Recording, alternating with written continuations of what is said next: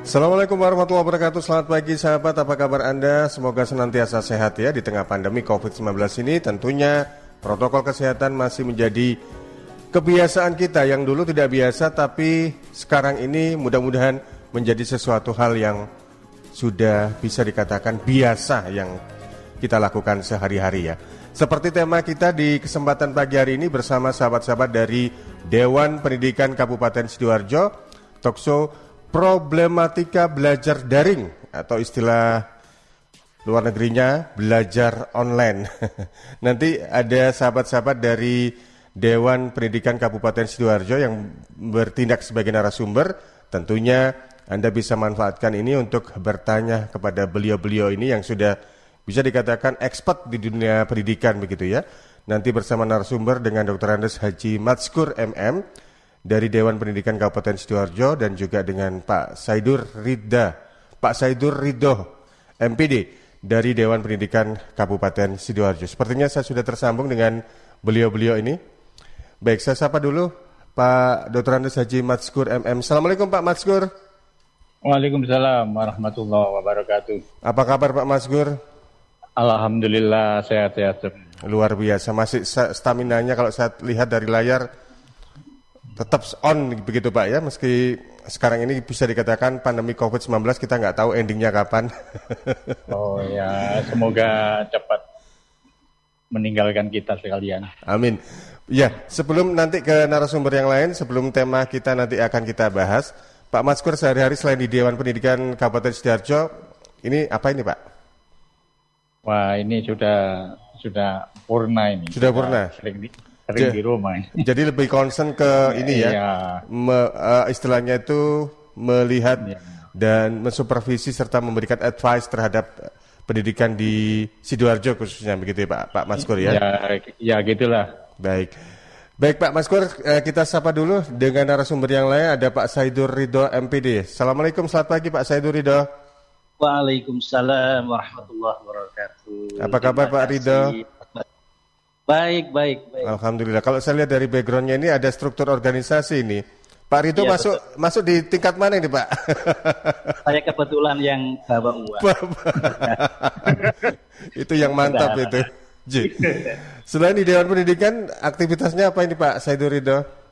Alhamdulillah saya masih hikmah di Perguruan Tinggi Agama Islam di Institut Agama Islam Al-Khazini. Al Institut Agama Islam. Nggih. Al-Qazini Al, Al Sidoarjo. Yang di Buduran itu bukan? Betul, betul. Oke, yang itu uh, uh, santrinya banyak itu, Pak. Alhamdulillah. Ya, dan juga saya sapa untuk partisipan-partisipan yang lain apa kabar? Mohon maaf saya tidak bisa sapa satu persatu, tapi nanti ada peluang untuk tanya jawab dengan narasumber ya. Karena kalau saya lihat dari data yang ada, ini partisipannya sudah banyak ini, nanti akan ada peluang. Baik, terkait dengan tema kita, problematika belajar daring. Dan ini kalau kita bicara tentang ada relevansinya dengan dunia pendidikan, kita tahu di pandemi COVID-19 ini kalau tidak salah di negara kita Indonesia itu kan sudah mulai marak sejak mulai Maret 2020 ya. Dan Data yang saya miliki, siswa dan guru yang terdampak COVID-19 karena belajar di rumah itu secara nasional ada hampir 70 juta siswa. Sementara ada 4,2 juta guru yang mau tidak mau membiasakan sesuatu yang tidak biasa. Saya coba ke ya. Pak Maskur dulu. Pak Maskur, kalau Anda melihat ya. ini trennya atau habit ini yang kita sudah jalan beberapa bulan ini, bagaimana? Apakah uh, guru dan siswa sudah terbiasa atau masih ada problem sampai sekarang ini Pak Maskur? Ya, kita maklumi bersama bahwa untuk daring ini adalah masalah-masalah yang baru. Dan masalahnya itu masalahnya sepertinya masalah yang mendadak. Yang sebelumnya tidak pernah direncanakan sama sekali. Begitu ada corona, langsung ada kebijakan bahwa harus ada belajar di di rumah ya sekaligus dari masing-masing dari guru, dari murid, dari orang tua mungkin masih katakanlah masih belum siap 100% dengan perubahan-perubahan ini. Kita ketahui bahwa untuk proses belajar mengajar metode-metode yang lain itu biasanya sebelumnya itu juga ada penataran, ada penjelasan, ada sosio. Nah ini untuk ini masih belum ada sama sekali. Begitu ada corona langsung ada perubahan. Otomatis ter, di situ terdapat banyak problem-problem yang dihadapi oleh guru maupun oleh oleh siswa. Nah, ini di antaranya mungkin ada yang selama ini tidak membutuhkan alat, tapi untuk saat ini butuh sarana alat untuk HP dan sebagainya. Dan perlu diketahui bahwa tidak semua anak yang ada di si, belajar di sekolah ini memiliki sarana yang dibutuhkan oleh pembelajaran ini. Iya. Yeah. Kemarin saya pernah melihat tanya-tanya bahwa apa di sekolahan Anda ini anak-anak sudah punya sarana semua. Ternyata masih ada sekolahan satu kelas itu kan ada tiga anak yang tidak punya sarana. Nah ini termasuk juga problem. Sarana yang dimaksud uh, apa ini Pak Maskur? HP Seperti HP. Oh HP. HP. Okay. Sekarang mungkin orang mengatakan bahwa HP semua orang punya anak sudah memiliki, tapi ternyata kenyataannya tidak seperti itu. Tidak Kemarin semua orang ada, tua siswa mampu begitu Pak Maskur ya?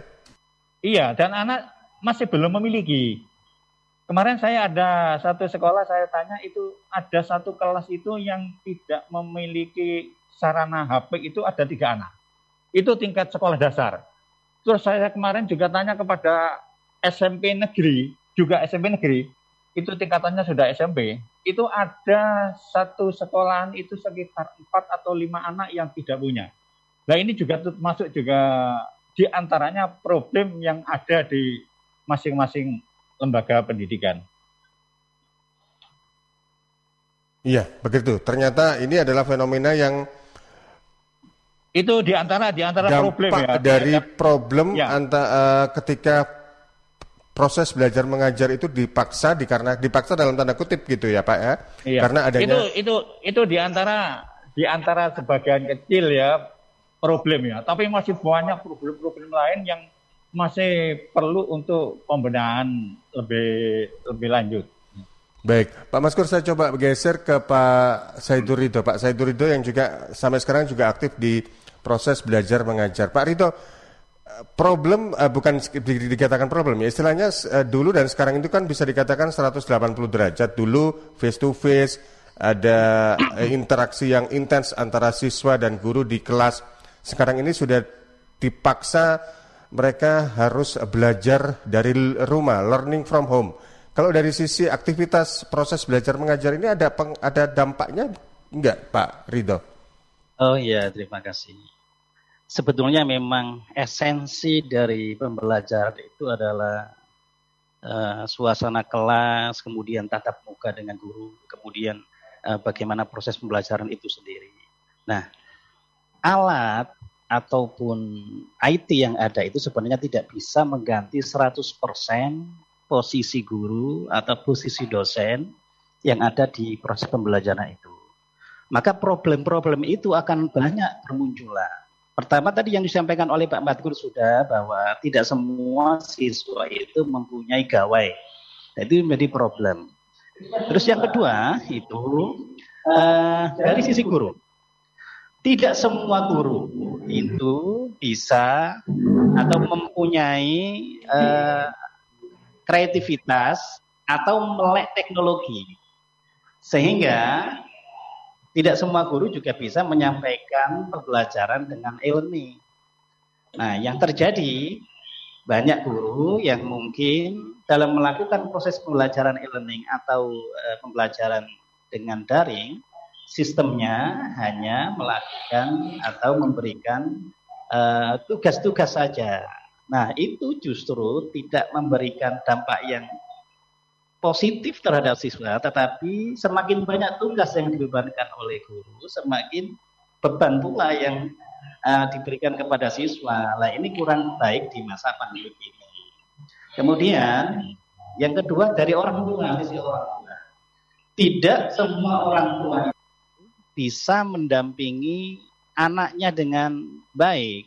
Artinya banyak uh, orang tua itu yang sibuk bekerja tidak semuanya bisa mendampingi anaknya ketika itu. Lah ini menjadi masalah karena kemandirian anak di dalam uh, proses pembelajaran daring ini adalah sangat diperlukan.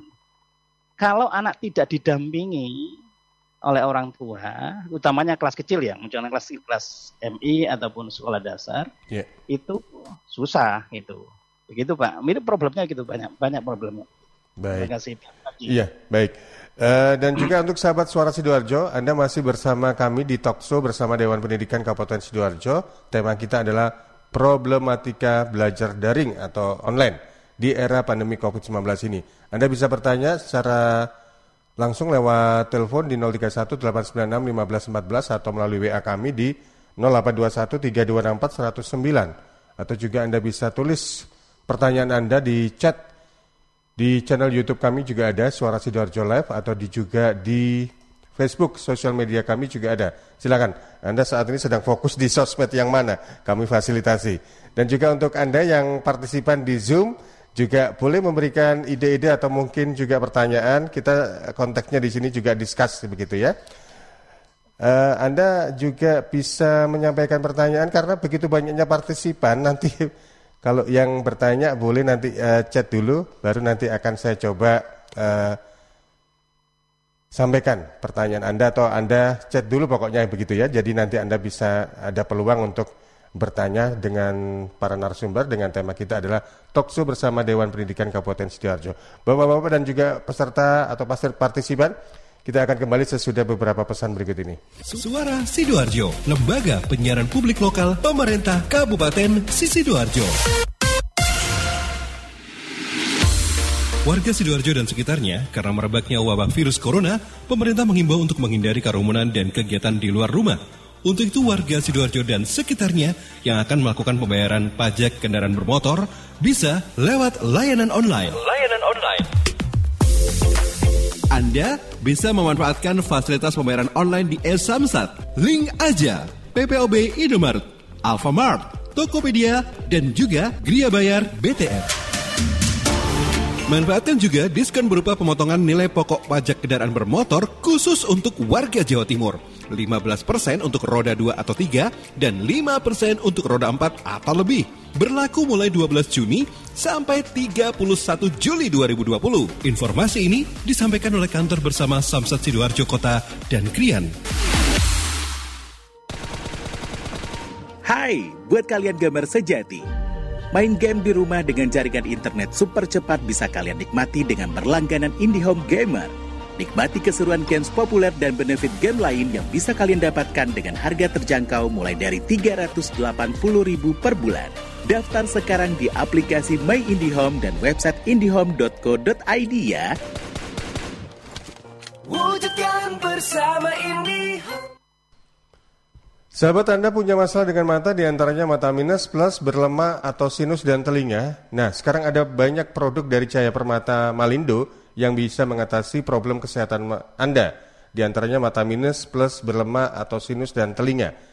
Produk cahaya permata Malindo diformulasikan oleh dua orang tabib dari Malaysia dan Indonesia.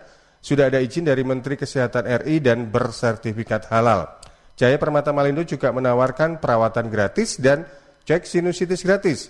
Klinik Cahaya Permata Malindo ada di perumahan Larangan Mega Asri Jalan Werkudoro 1 Blok D nomor 59 Sidoarjo Telepon 0877 3199 3999 0877 3199 3999. Sayangilah mata Anda dengan cahaya permata. Suara Sidoarjo, lembaga penyiaran publik lokal pemerintah Kabupaten Sidoarjo. Baik sahabat kembali dalam talkshow bersama Sahabat-sahabat dari Dewan Pendidikan Kabupaten Sidoarjo, tema kita adalah problematika belajar daring di era pandemi COVID-19. Sepertinya Pak Maskur dan Pak Rito ada beberapa pertanyaan dari WA ini yang sudah disampaikan oleh sahabat suara Sidoarjo. Boleh uh, saya ke redaksi dulu ya Pak? Oke, baik. Pak, saya ke redaksi dulu. Karin? Ya, ini jadi sudah ada tiga pertanyaan yang masuk di WhatsApp redaksi. Yang pertama dari Mbak Deana Putri. Uh, memang kalau sudah di dalam kondisi seperti itu, ini itu kan hal yang paling baik dilakukan adalah melakukan pembelajaran daring. Tapi terkadang guru-guru ini memberikan tugas yang menggunung. Malahan kemarin sebelum masuk ke tahun ajaran baru, banyak dari teman-teman saya ini protes soal tugas. Dan kemudian guru saya merespon dengan kalimat, Kan kalian di rumah, kalau capek tinggal dikerjakan sambil tiduran. Mengerjakannya juga jadi lebih santai. Nah, menurut saya, memang benar apa kata guru saya tersebut. Tetapi karena tugas yang banyak itu sendiri, yang dulu saya nggak ada minus di mata, jadi minus di mata gara-gara melihat layar laptop terus-terusan. Mungkin bapak-bapak dari Dewan Pendidikan ada saran, terima kasih. Yang kedua dari Mas Dian Respati. Selamat pagi bapak-bapak dari Dewan Pendidikan. Saya sempat bingung dengan bagaimana cara bag bagi teman-teman yang sudah menempuh ke jenjang perkuliahan dan mereka kuliah di jurusan yang terbilang harus melakukan praktikum. Nah, untuk praktikum sendiri ini pastinya kan membutuhkan alat-alat khusus. Sedangkan para mahasiswa ini biasanya pastinya belum tentu punya alatnya. Dan juga biasanya praktikum yang mereka kerjakan itu kan dikerjakan secara berkelompok ya. Lantas bagaimana dengan adanya tugas praktikum jika metode pembelajaran masih dilakukan secara online?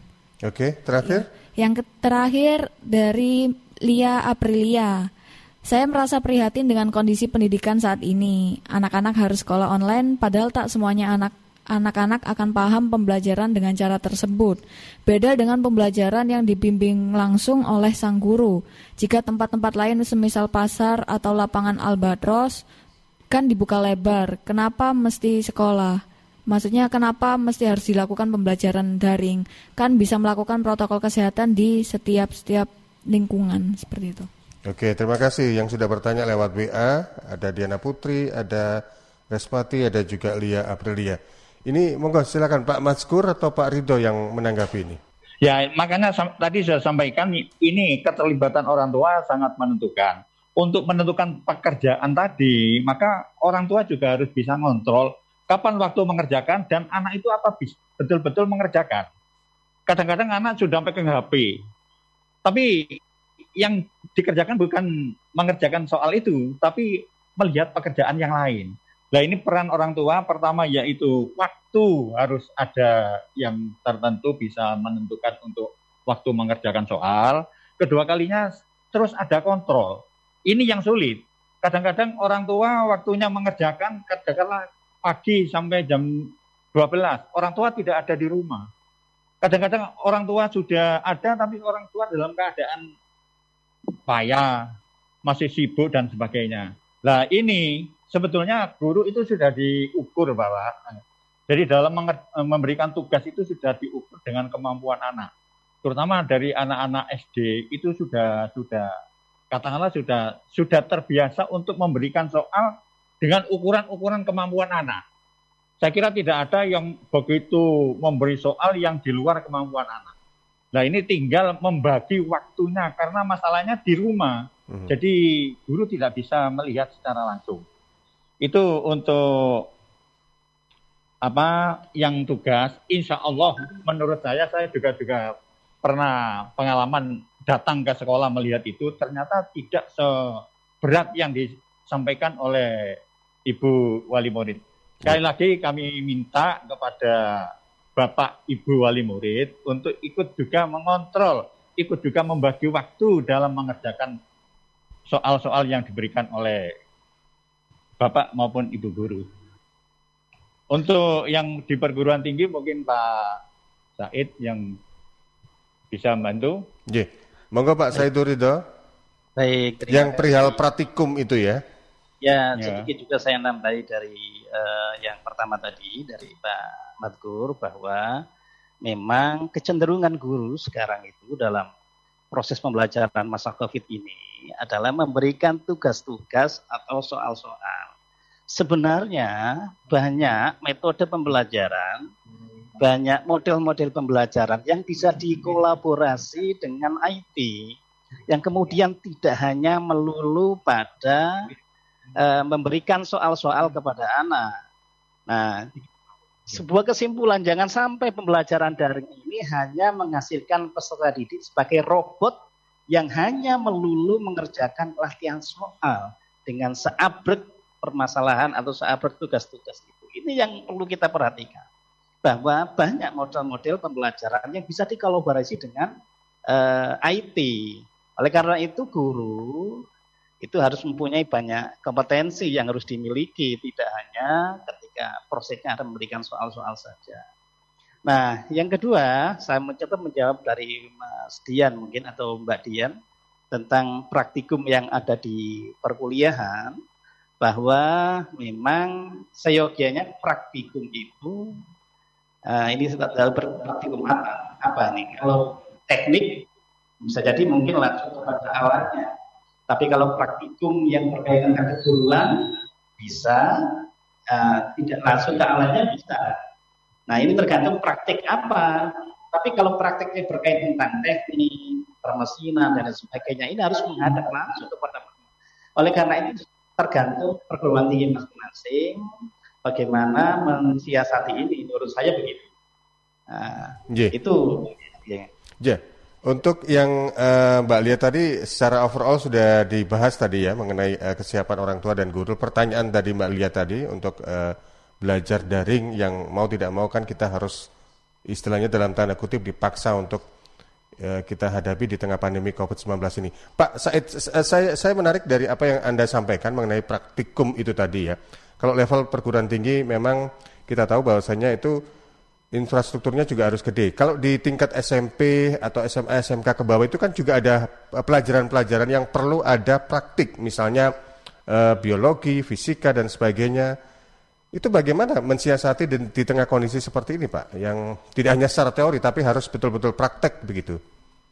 Saya pikir uh, Bapak Ibu guru bisa uh, apa namanya memberikan materi tersebut kalau misalkan tidak bisa. Karena tadi dikatakan bahwa praktik itu harus kumpul ya kan? Harus kelompok dan sebagainya. Bisa mensiasati dengan banyak hal yang bisa diambil atau dicari di YouTube atau di Google apa pun itu bisa dilakukan itu.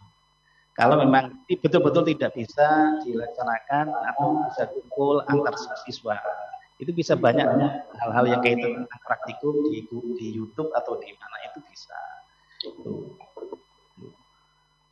Begitu Pak. Jadi seperti itu contohnya begitu Pak ya? Ya. ya. Baik. Eh, saya coba uh, sapa untuk beberapa partisipan ini yang barangkali juga uh, mau memberikan urun rembuknya atau sarannya. Ada kurang lebih 15 partisipan yang hadir, yang ikut dalam Zoom di kesempatan pagi hari ini. Kita talkshow bersama sahabat-sahabat dari Dewan Pendidikan Kabupaten Sidoarjo. Tema kita adalah problematika belajar daring. Dan juga untuk Anda sahabat juga tidak menutup peluang untuk Anda bergabung untuk bertanya dengan kedua narasumber. Ada Dr. Andes Haji Maskur MM, kemudian ada Saidur Ridho MPD. Saya coba ke siapa ke narasumber ini Pak ya, eh ke partisipan sorry, ke partisipan ini ya, Pak Pak Sahroni Ahmad. Assalamualaikum, selamat pagi Pak Sahroni.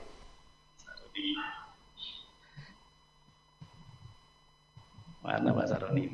Pak Saroni, dengar suara saya? Mungkin di fiturnya ada unmute Pak, bisa di unmute Pak di sana Pak. Karena suaranya nggak muncul. Sudah Pak ya.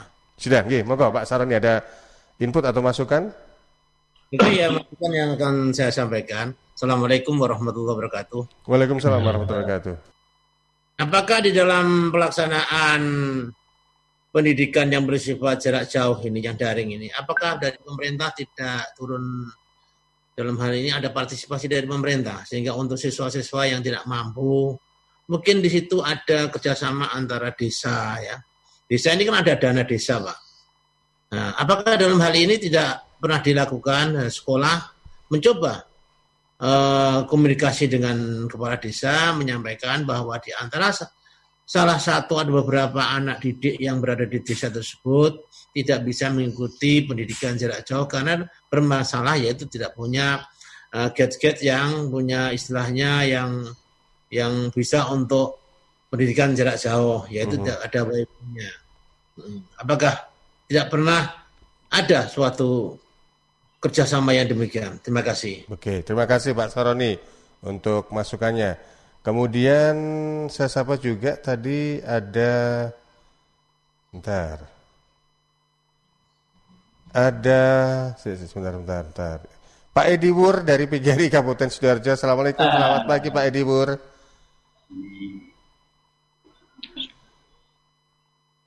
Bisa di unmute Pak di Zoom-nya Pak, biar suaranya muncul di sini.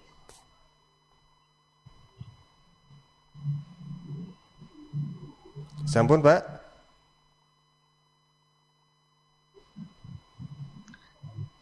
Oke. Kalau sambil jalan. Oke, monggo Pak Edi Wur. Mendengarkan mawon. Mendengarkan saja. J matur nuwun kalau begitu terima kasih. Dan juga untuk sahabat-sahabat yang ikut uh, dalam uh, Zoom ini kalau Anda ada pertanyaan boleh ya atau ingin urun rembuk juga boleh silakan kalau Anda secara visual video Anda bisa lambaikan tangan begitu karena partisipannya banyak jadi mohon maaf saya tidak bisa memberikan peluang satu persatu nanti takutnya waktunya habis ini. Baik, saya coba kembali ke Pak Maskur dan juga Pak Saidur Ridho. Pak Pak Maskur, barangkali uh, untuk uh, solusi terhadap tadi kan problemnya yang disampaikan di awal oleh Pak Maskur bahwa uh, problematika belajar daring atau belajar online ini ternyata ada loh. Ini orang tua, anak-anak didik yang backgroundnya mohon maaf ini kan dari kalangan tidak mampu. Terus Solusi apa ini Pak? Apakah mereka hanya dibiarkan seperti itu atau next ini apa ya langkah-langkah konkret yang dilakukan ini nantinya Pak Mas Gur? Untuk selama ini kami masih belum dengar dari atasan, maksudnya dari dinas yang terkait apa ada anggaran untuk membantu tentang ini. Nah ini barangkali dari hasil suara ini mungkin bisa didengar oleh dinas, barangkali nanti ada program atau langkah-langkah yang konkret untuk mengatasi masalah ini. Nah ini alhamdulillah kemarin saya juga ketemu dengan salah satu sekolah itu ada ternyata ada sekolah yang siswanya tidak mempunyai HP. Itu ada langkah konkret dari sekolah, dari kumpulan wali murid wali murid yang juga di, di bawah komite sekolah. Mm -hmm. Itu ternyata ada yang katakanlah urunan. Urunan untuk membelikan HP anak yang tidak mampu. Itu ada satu sekolah di negeri. Itu kemarin ada empat atau lima anak yang tidak punya HP, ternyata dibelikan oleh kumpulan dari wali murid yeah. yang iya. dibawa naungan dari komite sekolah. Iya, iya. Biasanya akhirnya sudah diberi dari satu sekolah itu sudah teratasi bahwa anak itu sudah memiliki semua. Jadi, Tapi sayangnya kemarin juga ada masalah. Kenapa itu, Pak? Setelahnya diberi HP, ternyata dia mengerjakan soal kok terlambat. Hmm. Akhirnya di ditelepon, teleponnya dibawa oleh kakaknya kerja di pabrik. Loh, ini yang akhirnya yang salah salah salah salah penggunaan ini ya. Yeah. Nah ini mungkin barangkali bisa untuk sekolah-sekolah yang lain bisa diambil contoh lah seperti itu hmm. bisa hmm. melangkah.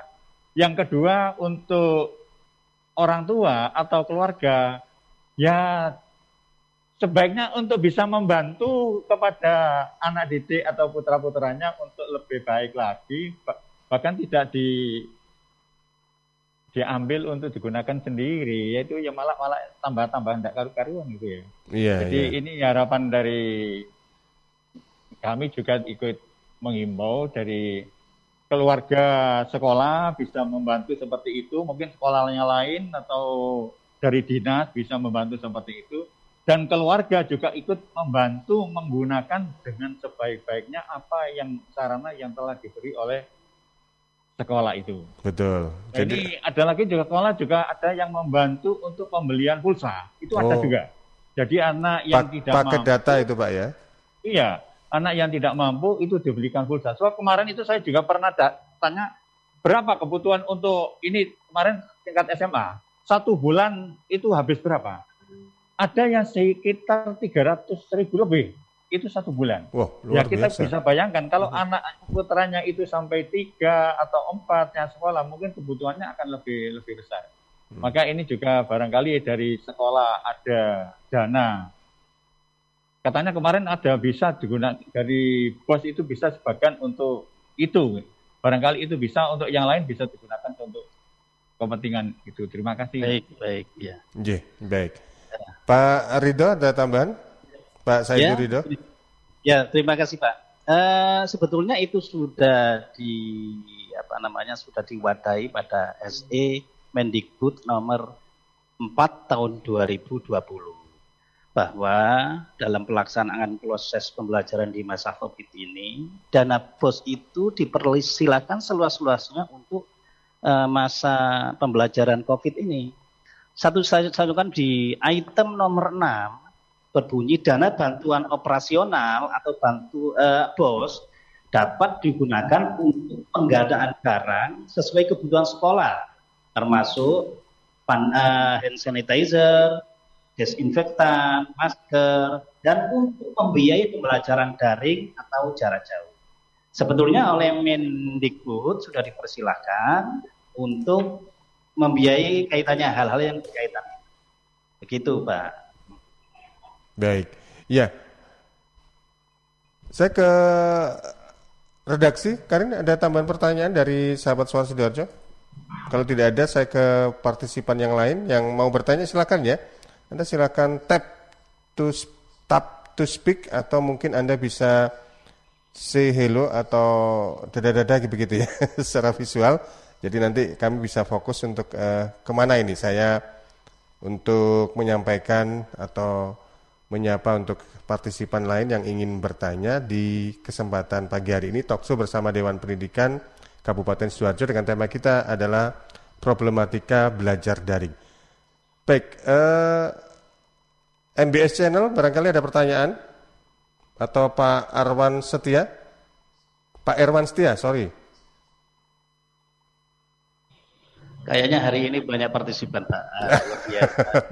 ada dari PGRI, dari ada PGRI. Dari, apa namanya uh, tim avokat sidoarjo itu Pak Roni. Oh gitu. Biasa. Baik. dari sidoarjo Pak Pak siapa tadi? Pak Roni ya?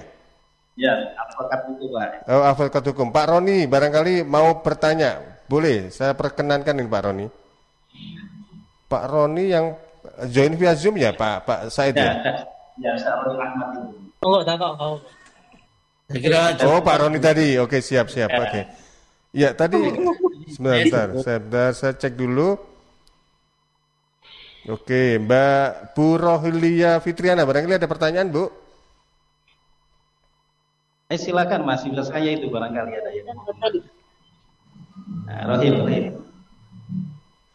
Iya, Mbak Rohil berarti ini, Mbak Rohil. Silakan. Jadi barangkali ada pertanyaan seputar atau ya. ada semacam Anda mungkin punya uh, pendapat atau input begitu ya seputar problematika belajar lewat daring ini? Buatan. Me mendengarkan saja. baik, baik kalau begitu. Baik. Pak Maskur dan Pak Said, ini di sisi lain kalau kita lihat problematika belajar di tengah pandemi COVID-19 ini kan boleh kita tahu bahwasanya endingnya juga tidak eh, kapan selesainya kan kita juga tidak tahu begitu ya. Tapi di sisi lain ada kabar juga bahwasanya Menteri Pendidikan dan Kebudayaan ini akan malah mem mematenkan belajar dari rumah, learning from home. Kalau Anda melihat ke depan, apakah ini justru merupakan hal yang positif atau bagaimana ini Pak? Karena Ya siapa tahu kan nanti ak akhirnya pandemi COVID-19 itu kan bisa kelar, bisa berhasil, vaksinnya bisa diketemukan, tapi di sisi lain belajar dari rumah ini akhirnya juga uh, rencananya akan dipatenkan. Apakah ini sebuah hal yang bisa dikatakan inovatif atau mungkin dalam tanda kutip eh, kemunduran ini Pak Pak Maskur atau Pak Said ini? Monggo. Oke, okay, okay. terima kasih. Uh, begini, memang inovasi-inovasi dari Pak Menteri kita berkaitan tentang kemajuan teknologi yang dikaitkan dengan pendidikan. Tetapi kalau saya berpendapat bahwa peran guru di dalam kelas itu tidak bisa tergantikan oleh alat secanggih apa pun. Karena di dalam dunia pembelajaran itu tidak hanya transfer knowledge, tidak hanya memberikan pengetahuan, tapi ada mendidik. Nah, mendidik itulah yang tidak bisa tergantikan oleh alat atau tool apa pun untuk menjadi peran pendidik orang guru. Jadi menurut saya tetap pembelajaran tatap muka di kelas itu harus ada. Mudah-mudahan ini segera selesai sehingga proses pembelajaran tatap muka itu bisa dilaksanakan. Itu Pak menurut saya. Mungkin Pak Maskur mau Pak Maskur mau Memangnya dari kementerian ini jauh sebelumnya itu memang sudah ada Bapak. Mm -hmm. Ada seperti apa? Ada katakanlah pelatihan. Pelatihan tentang pembelajaran jarak jauh.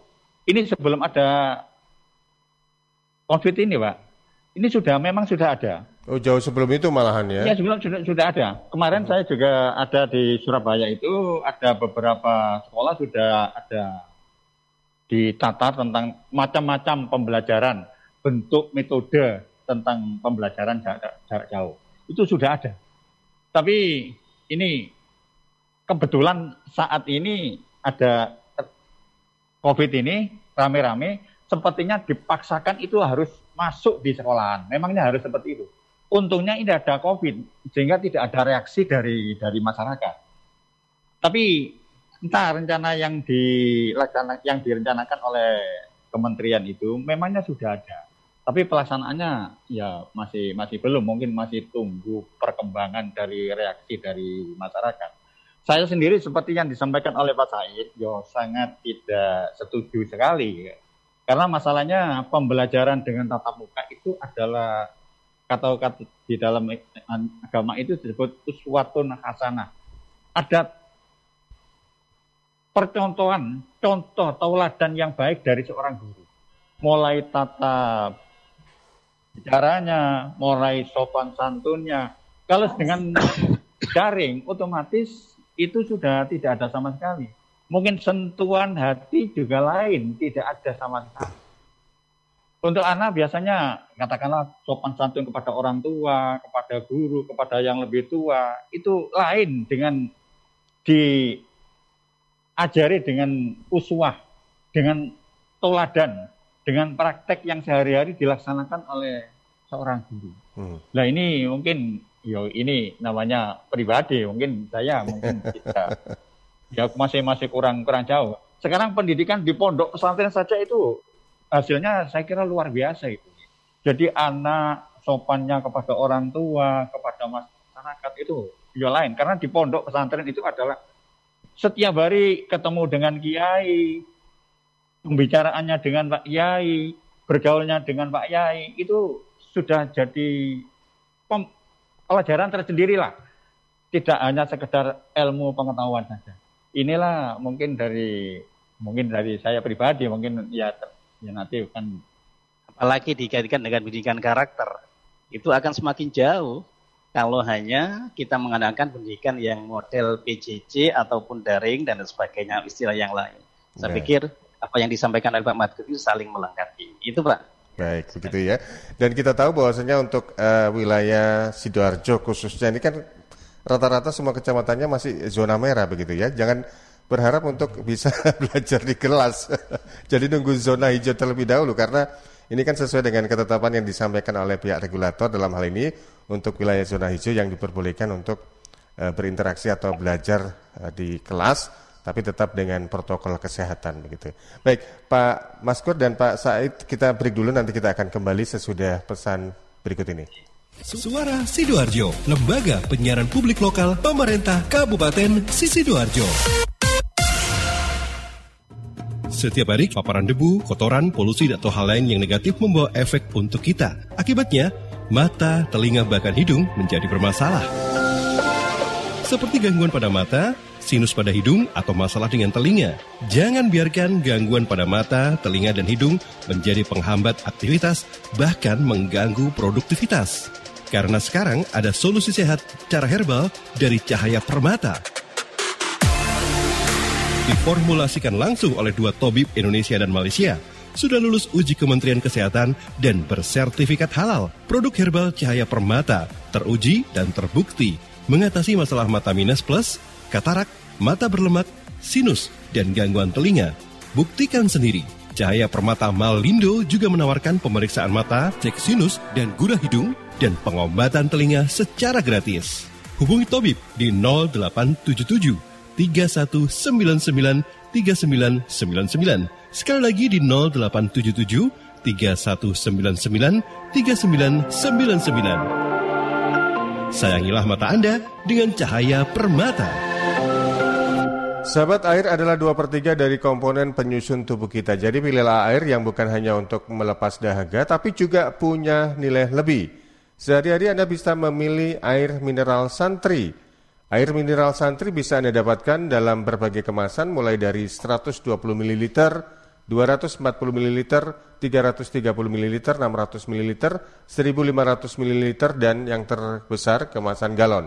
Untuk info lengkap dan pemesanan, silakan Anda bisa hubungi Ustadz Muhammad Seger dari CV Lantabur Sidoarjo, telepon 0821 3404 0289, 0821 3404 0289. Distributor air mineral Santri wilayah Sidoarjo ada di Jalan Sawu RT 3 RW 1 Pelumbungan Sukodono Sidoarjo.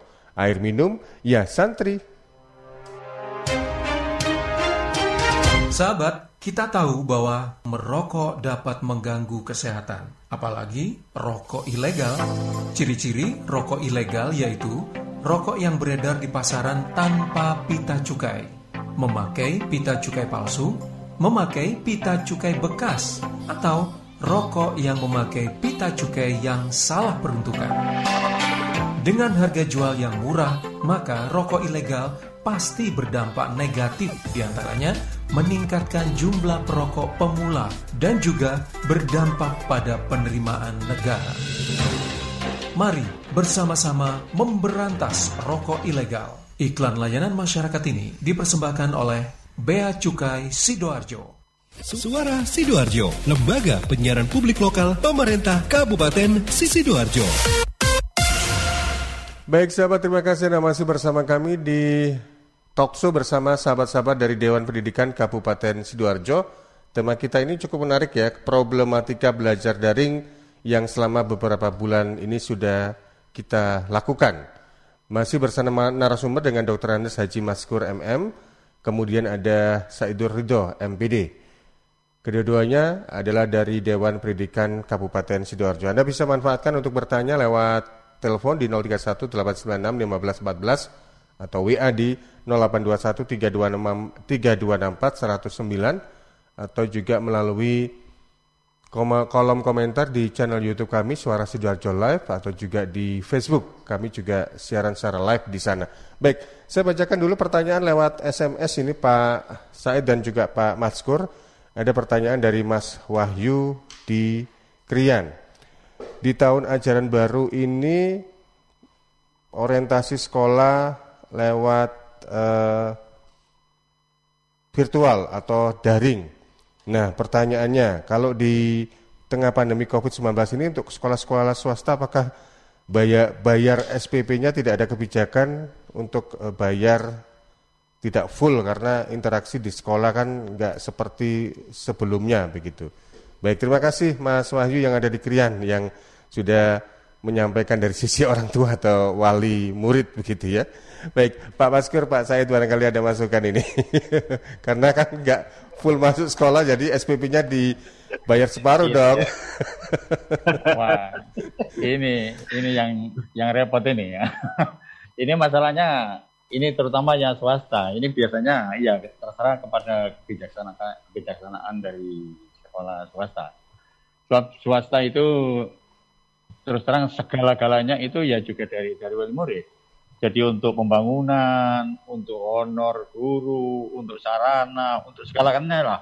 Itu semua adalah dari dana itu. Hanya mungkin ada sebagian dari dana dana bos ya.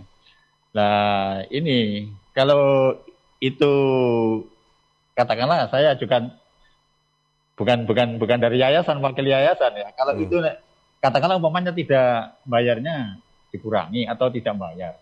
Nah, terus untuk honor-honor para guru untuk kebutuhan yang lain itu ya kira-kira dari mana? Masa gurunya kalau tidak ngajar oh, Pak otomatis tidak dibayar padahal dia juga masih melaksanakan tugas ya. Yeah, melaksanakan tugas, ada tugas, ada yang tatap muka dengan Zoom katakanlah ada yang seperti itu.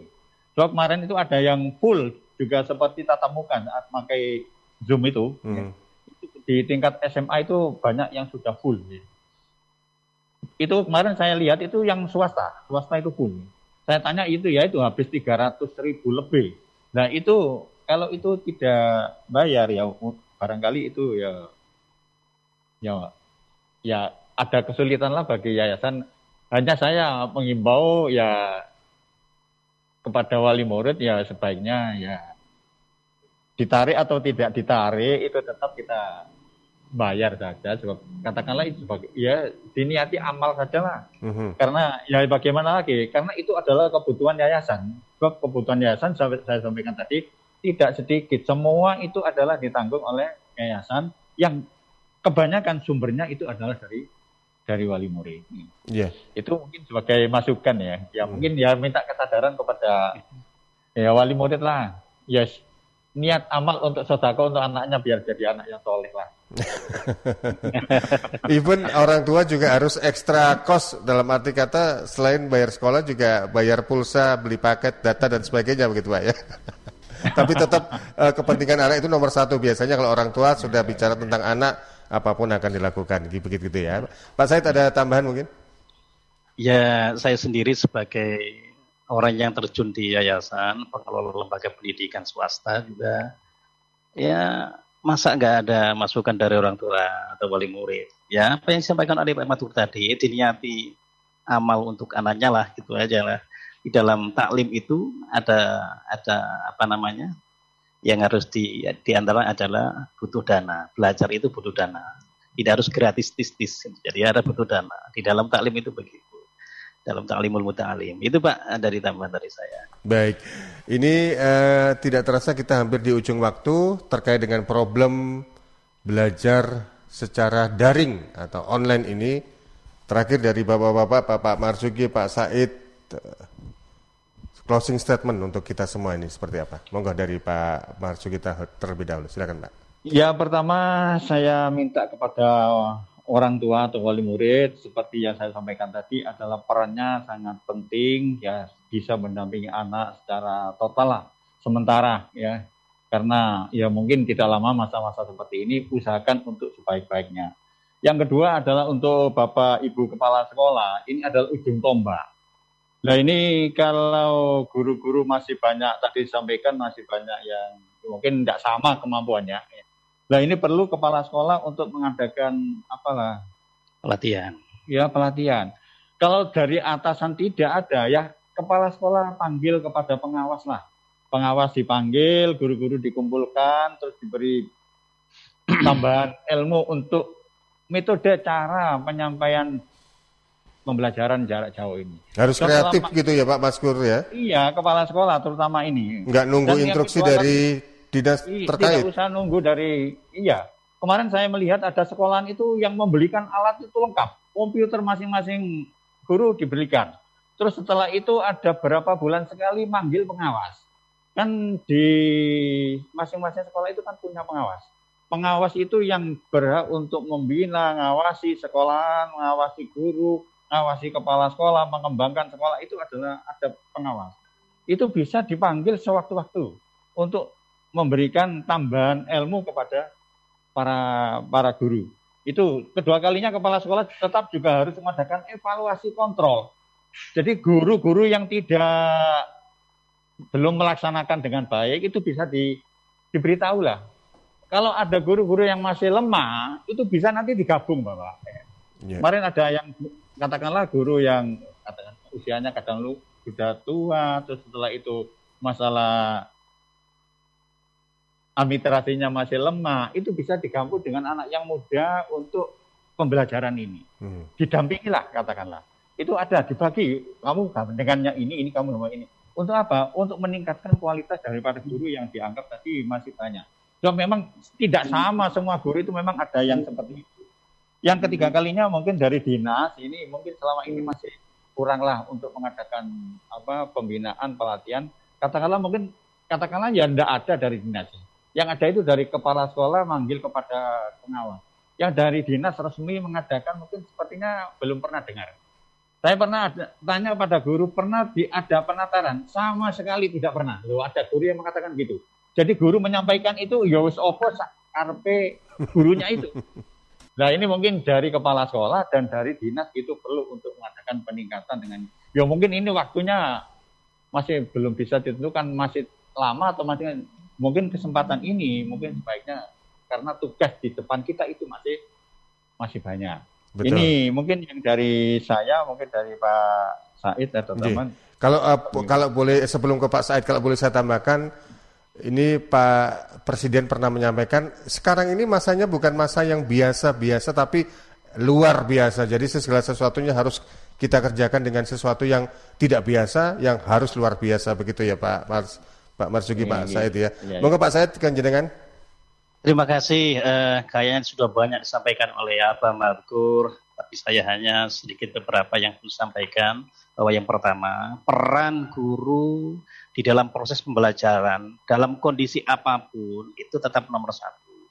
Kreativitas, kemudian uh, bagaimana dia mengelola sistem pembelajaran, kemudian bagaimana dia berinovasi, itu sangat perlu bagi guru untuk Eh, bagaimana menciptakan kondisi pembelajaran di masa COVID ini tidak hanya anak diberikan eh, soal-soal saja atau latihan soal saja, tetapi butuh kreativitas, inovasi seorang guru untuk mengcreate uh, pembelajaran itu.